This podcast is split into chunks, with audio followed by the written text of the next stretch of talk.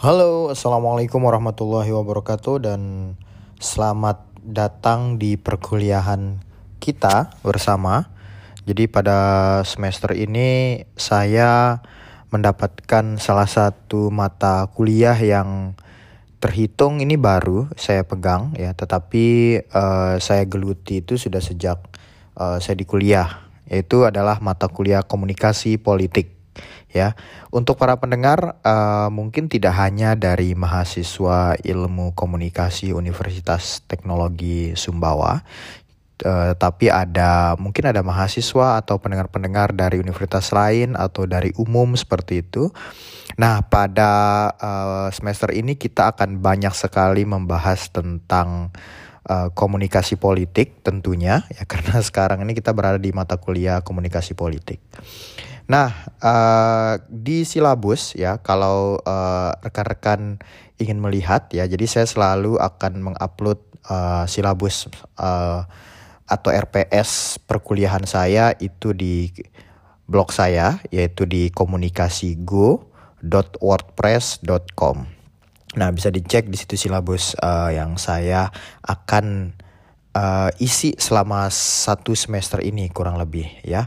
Yang pertama pada pertemuan kali ini ya dan sebagai pertemuan uh, pertama sebagai materi ya sebagai materi karena seharusnya pertemuan pertama itu adalah saya memberikan membagikan silabus tetapi ini sebagai uh, pertemuan kedua di kelas tetapi sebagai pertemuan mata pertama untuk uh, menyampaikan tentang materi di perkuliahan uh, komunikasi politik.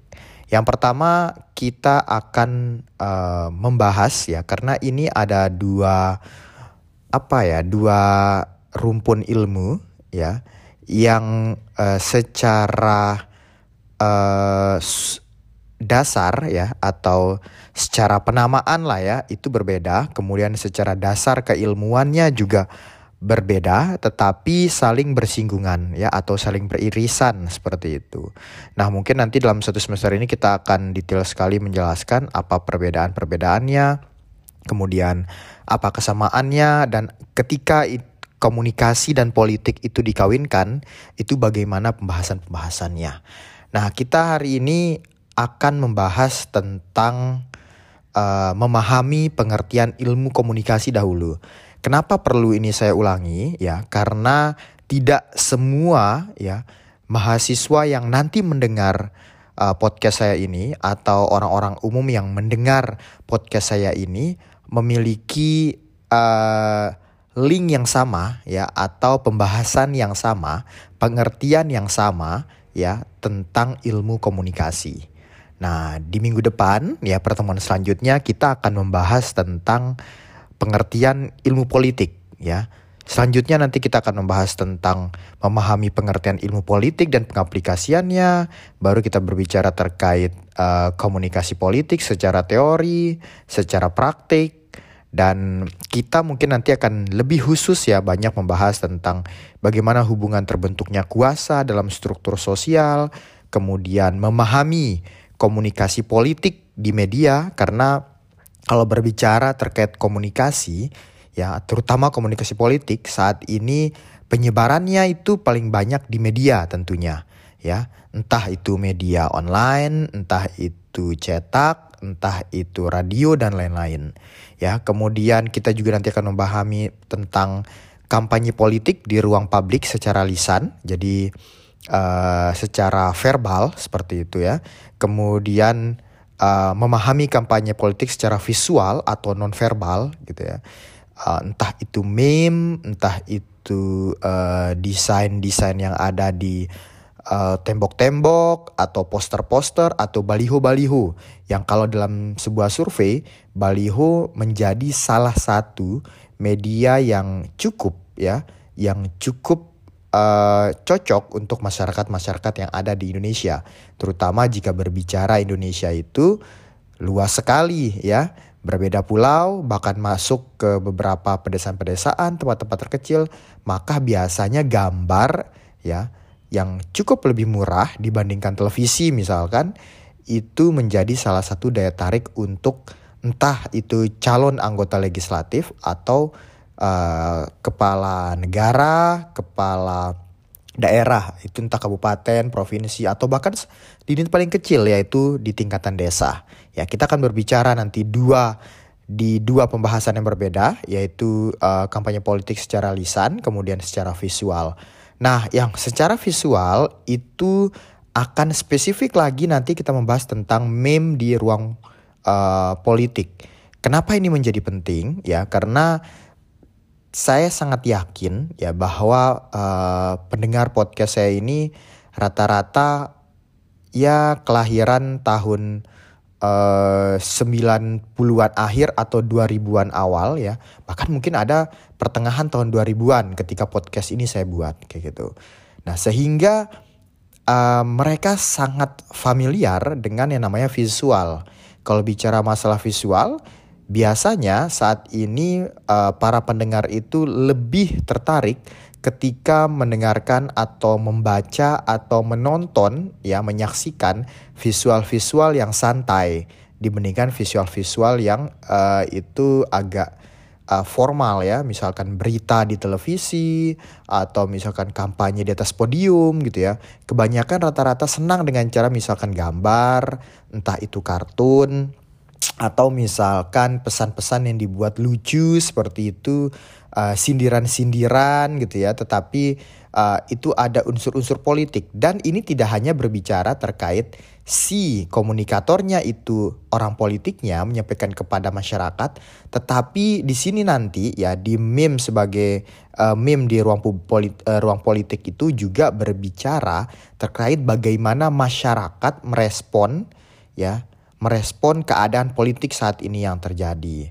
Nah, kemudian yang terakhir mungkin nanti kita akan memahami efektivitas dan dampak komunikasi politik secara digital. Nah, ini sebenarnya sama juga ya kayak tadi kenapa meme saya ambil karena meme biasanya itu adalah hmm, visualnya ya digital media digital adalah mediumnya atau alat penyampaiannya. Nah, anak muda saat ini dari beberapa riset juga anak muda itu sangat familiar familiar dengan yang namanya media digital ya entah itu kalau spesifik kita berbicara terkait Facebook kita bicara Instagram kita bicara Twitter kita bicara bahkan sekarang ya ini menurut saya sudah mulai banyak yang akan mengkajinya seperti TikTok dan beberapa ada reels di Instagram itu menjadi salah satu media yang cukup uh, menarik ya untuk uh, menyampaikan sebuah pesan-pesan politik. Nah, pesan politik ini tidak hanya dari si uh, pengirim pesannya si orang politiknya saja, tapi juga dari masyarakatnya juga.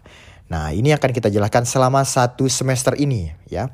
Dan pada pertemuan kali ini kita akan membahas tentang memahami pengertian ilmu komunikasi. Ya, kita menyamakan satu frekuensi dulu ya. Sebelum kita membahas politik, kita bahas dulu terkait ilmu komunikasi. Bagi yang pernah masuk di mata kuliah saya mungkin sudah sangat familiar dengan pengertian ilmu komunikasi itu sendiri. Oke, langsung saja memahami pengertian ilmu komunikasi.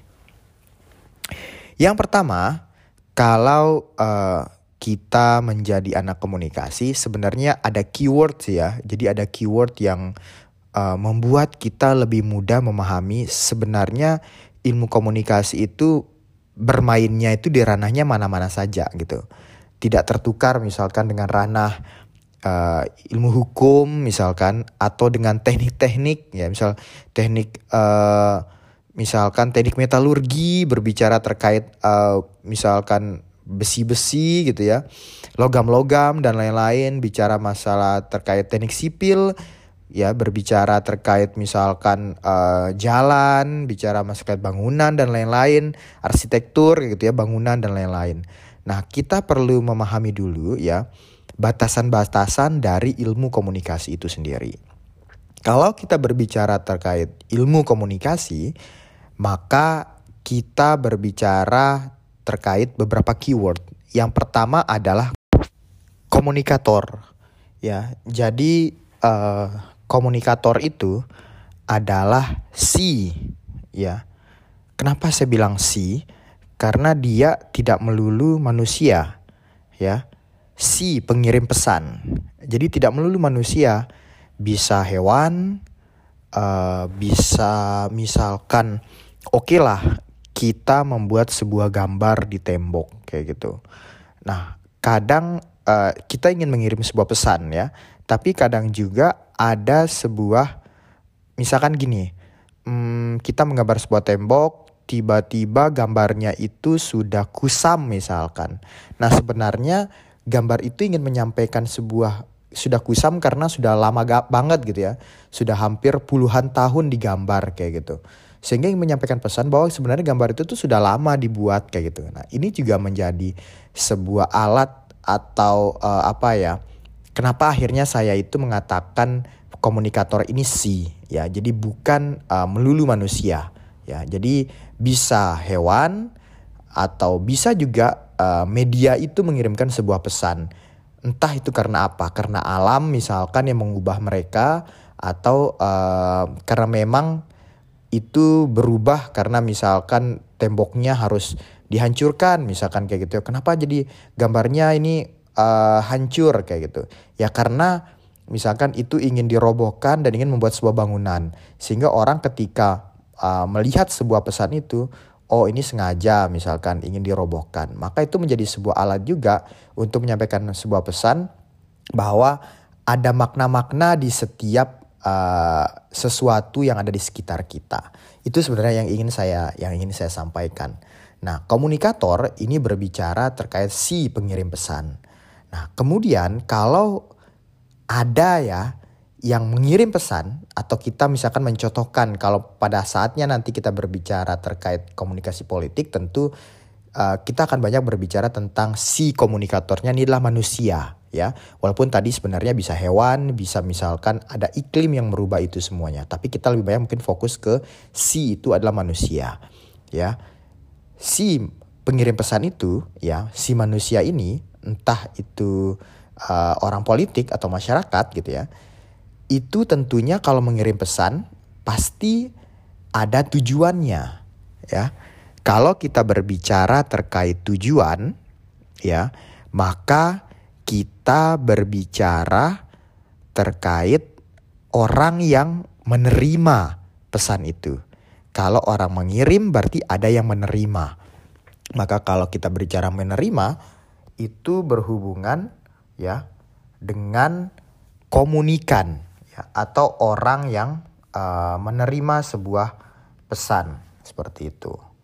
Nah, selanjutnya ketika orang menerima sebuah pesan ya tentunya ya itu kan sampainya gimana cara pesan itu nyampai ke kepada komunikator itu mengirim pesan dan itu sampai kepada komunikan itu gimana caranya maka di situlah ada namanya medium ya kalau dia satu itu medium namanya kalau banyak itu namanya media ya maka ada medium atau media atau dalam bahasa mungkin sehari-hari kita adalah ada alat yang mengirim itu ya. Misalkan nih saya berbicara uh, di podcast, maka mediumnya adalah ya podcast itu sendiri, ya aplikasi-aplikasi digital ini kayak gitu.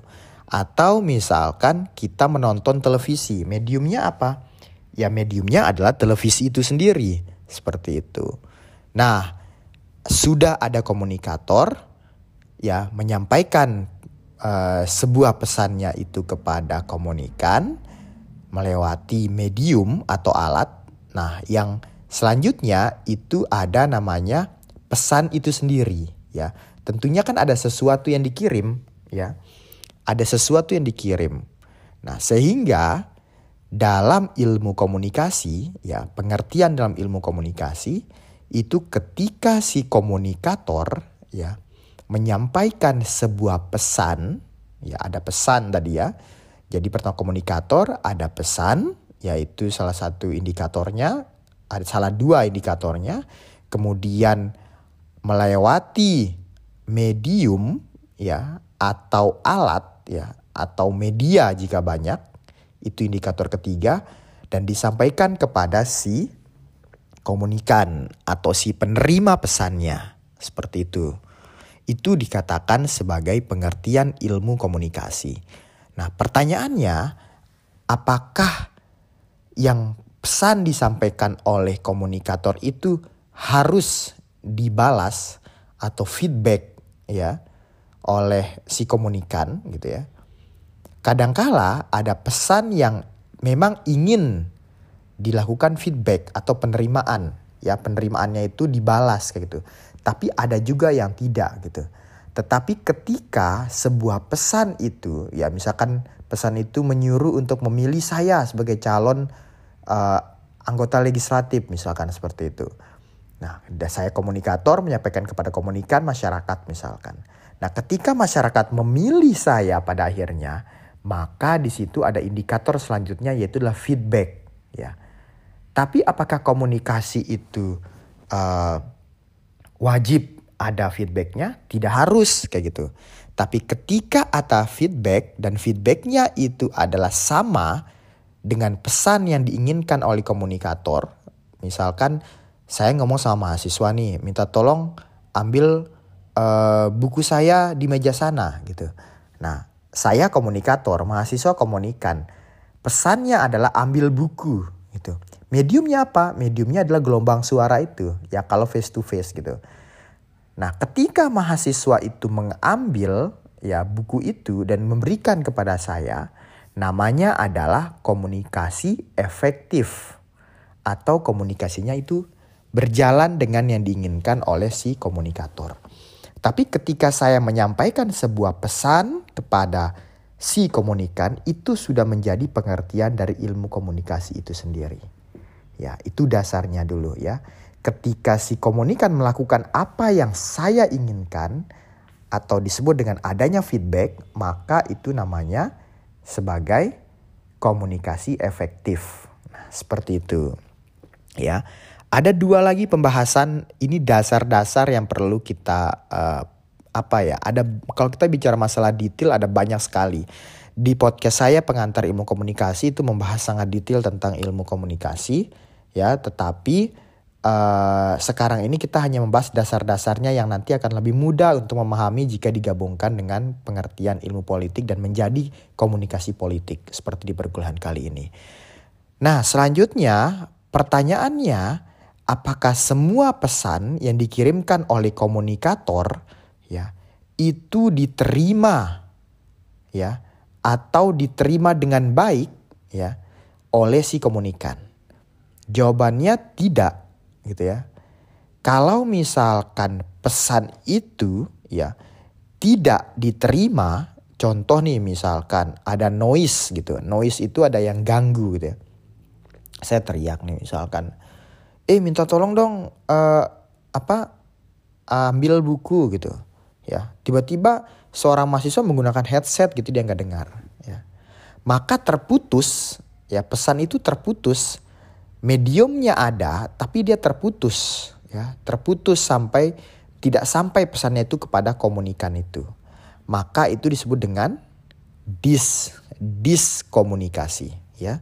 Satu aja ya diskomunikasi kayak gitu maka pesannya tidak sampai ya tapi ada yang saya menyampaikan minta tolong dong ambil buku itu misalkan ternyata yang diambil oleh mahasiswa itu adalah pulpen gitu.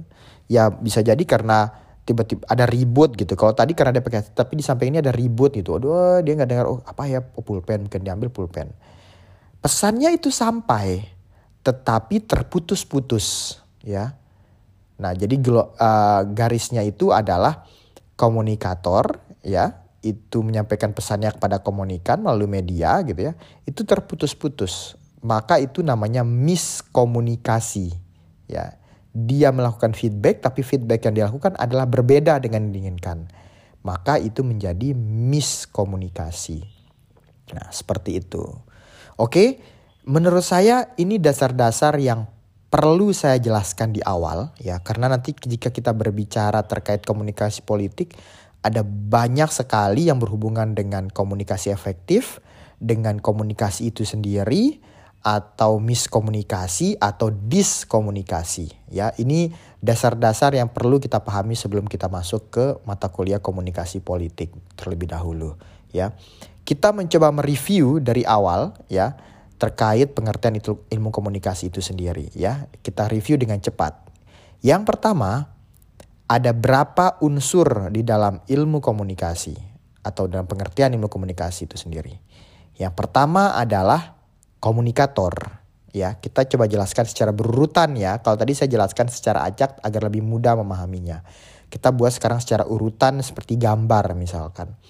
Ada komunikator atau si pengirim pesan dia mengirimkan sebuah pesan melalui media.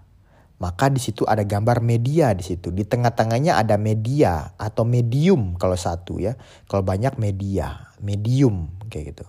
Di dalam medium itu, saluran itu, alat itu ada pesan yang terkirim ya. Jadi gambarnya itu adalah pesan itu di dalam dari media itu sendiri. Disampaikan kepada komunikan. Nah, jadi ada empat unsur yang paling penting, ya. Kemudian, apakah pertanyaannya adalah semua pesan yang dikirim harus dibalas oleh komunikan? Tidak, gitu. Ketika dia tidak membalasnya atau pesannya itu sampai kepada komunikan saja, itu itu disebut dengan pengertian ilmu komunik eh pengertian komunikasi, ya, pengertian komunikasi. Kemudian ketika dia melakukan feedback, ya kita anggap aja garis garis panah dari komunikan ke komunikator gitu ya. Ada feedback di situ atau apa yang diinginkan itu dilakukan, maka menjadi komunikasi efektif seperti itu. Tetapi ya kalau misalkan komunikator mengirimkan sebuah pesan kepada komunikan yang diterima itu berbeda dengan yang diinginkan oleh komunikator karena ada gangguan-gangguan kayak gitu ya, noise misalnya orang ribut dan lain-lain gitu. Maka itu menjadi miskomunikasi. Diminta untuk coblos. Misalkan nih uh, nomor 5 partai ABC kayak gitu. Ternyata dia mencoblos partai CDE gitu. Karena misalkan uh, komunikannya ini orang tua misalkan dia salah dengar atau dia nggak nggak terlihat baik-baik. Dan yang dicoblosnya itu adalah nomor 6 misalkan karena dia nggak agak mirip gitu misalkan 5 dan 6 karena dekat gitu. Nah, jadi itu adalah terjadi miskomunikasi. Tapi ada juga yang misalkan saya nih berkampanye, pilih saya, begini begini begini, saya orangnya baik, orangnya jujur akan mesejahterakan masyarakat gitu. Bisa jadi kan kalau tadi tuh contohnya kita pakai headset ya. Kalau ini bisa jadi dia dengar secara maksimal gitu ya. Tetapi dia tidak akan memilih kita. Kenapa? Dia tahu uh, belangnya kita. Oh ternyata alah itu ngomong saja itu di belakangnya itu dia itu pemabuk misalkan. Dia sering main judi dia sering kasar dengan orang dan lain-lain. Nggak pernah ibadah dan lain-lain misalkan itu. Pokoknya orangnya jahat gitu. Dia pura-pura. Itu juga bisa dikatakan diskomunikasi. Ya walaupun dia mendengarkan tapi pesan makna tujuan yang diinginkan itu tidak diterima oleh komunikan maka itu menjadi sebuah pesan yang tidak sampai atau disebut sebagai diskomunikasi. Oke pada pertemuan kali ini kita sudah mempelajari beberapa ya satu adalah tentang terkait unsur-unsur dalam komunikasi, ada komunikator, ada pesan itu sendiri, ada media, ada komunikan dan ada feedback, ya. Kemudian kita tadi berbicara terkait komunikasi itu sendiri, komunikasi efektif, diskomunikasi dan miskomunikasi. Oke, menurut saya untuk pertemuan kali ini kita cukup. Ya, yang penting kita dasar-dasarnya saja agar kita sama satu frekuensi dan tidak salah nanti di pertemuan-pertemuan selanjutnya. Pada minggu depan atau pertemuan selanjutnya kita akan membahas terkait uh, pengertian dari ilmu politik itu sendiri. Oke, terima kasih sudah mendengarkan untuk para pendengar podcast saya dan sampai ketemu pada pertemuan selanjutnya. Assalamualaikum warahmatullahi wabarakatuh. Yo.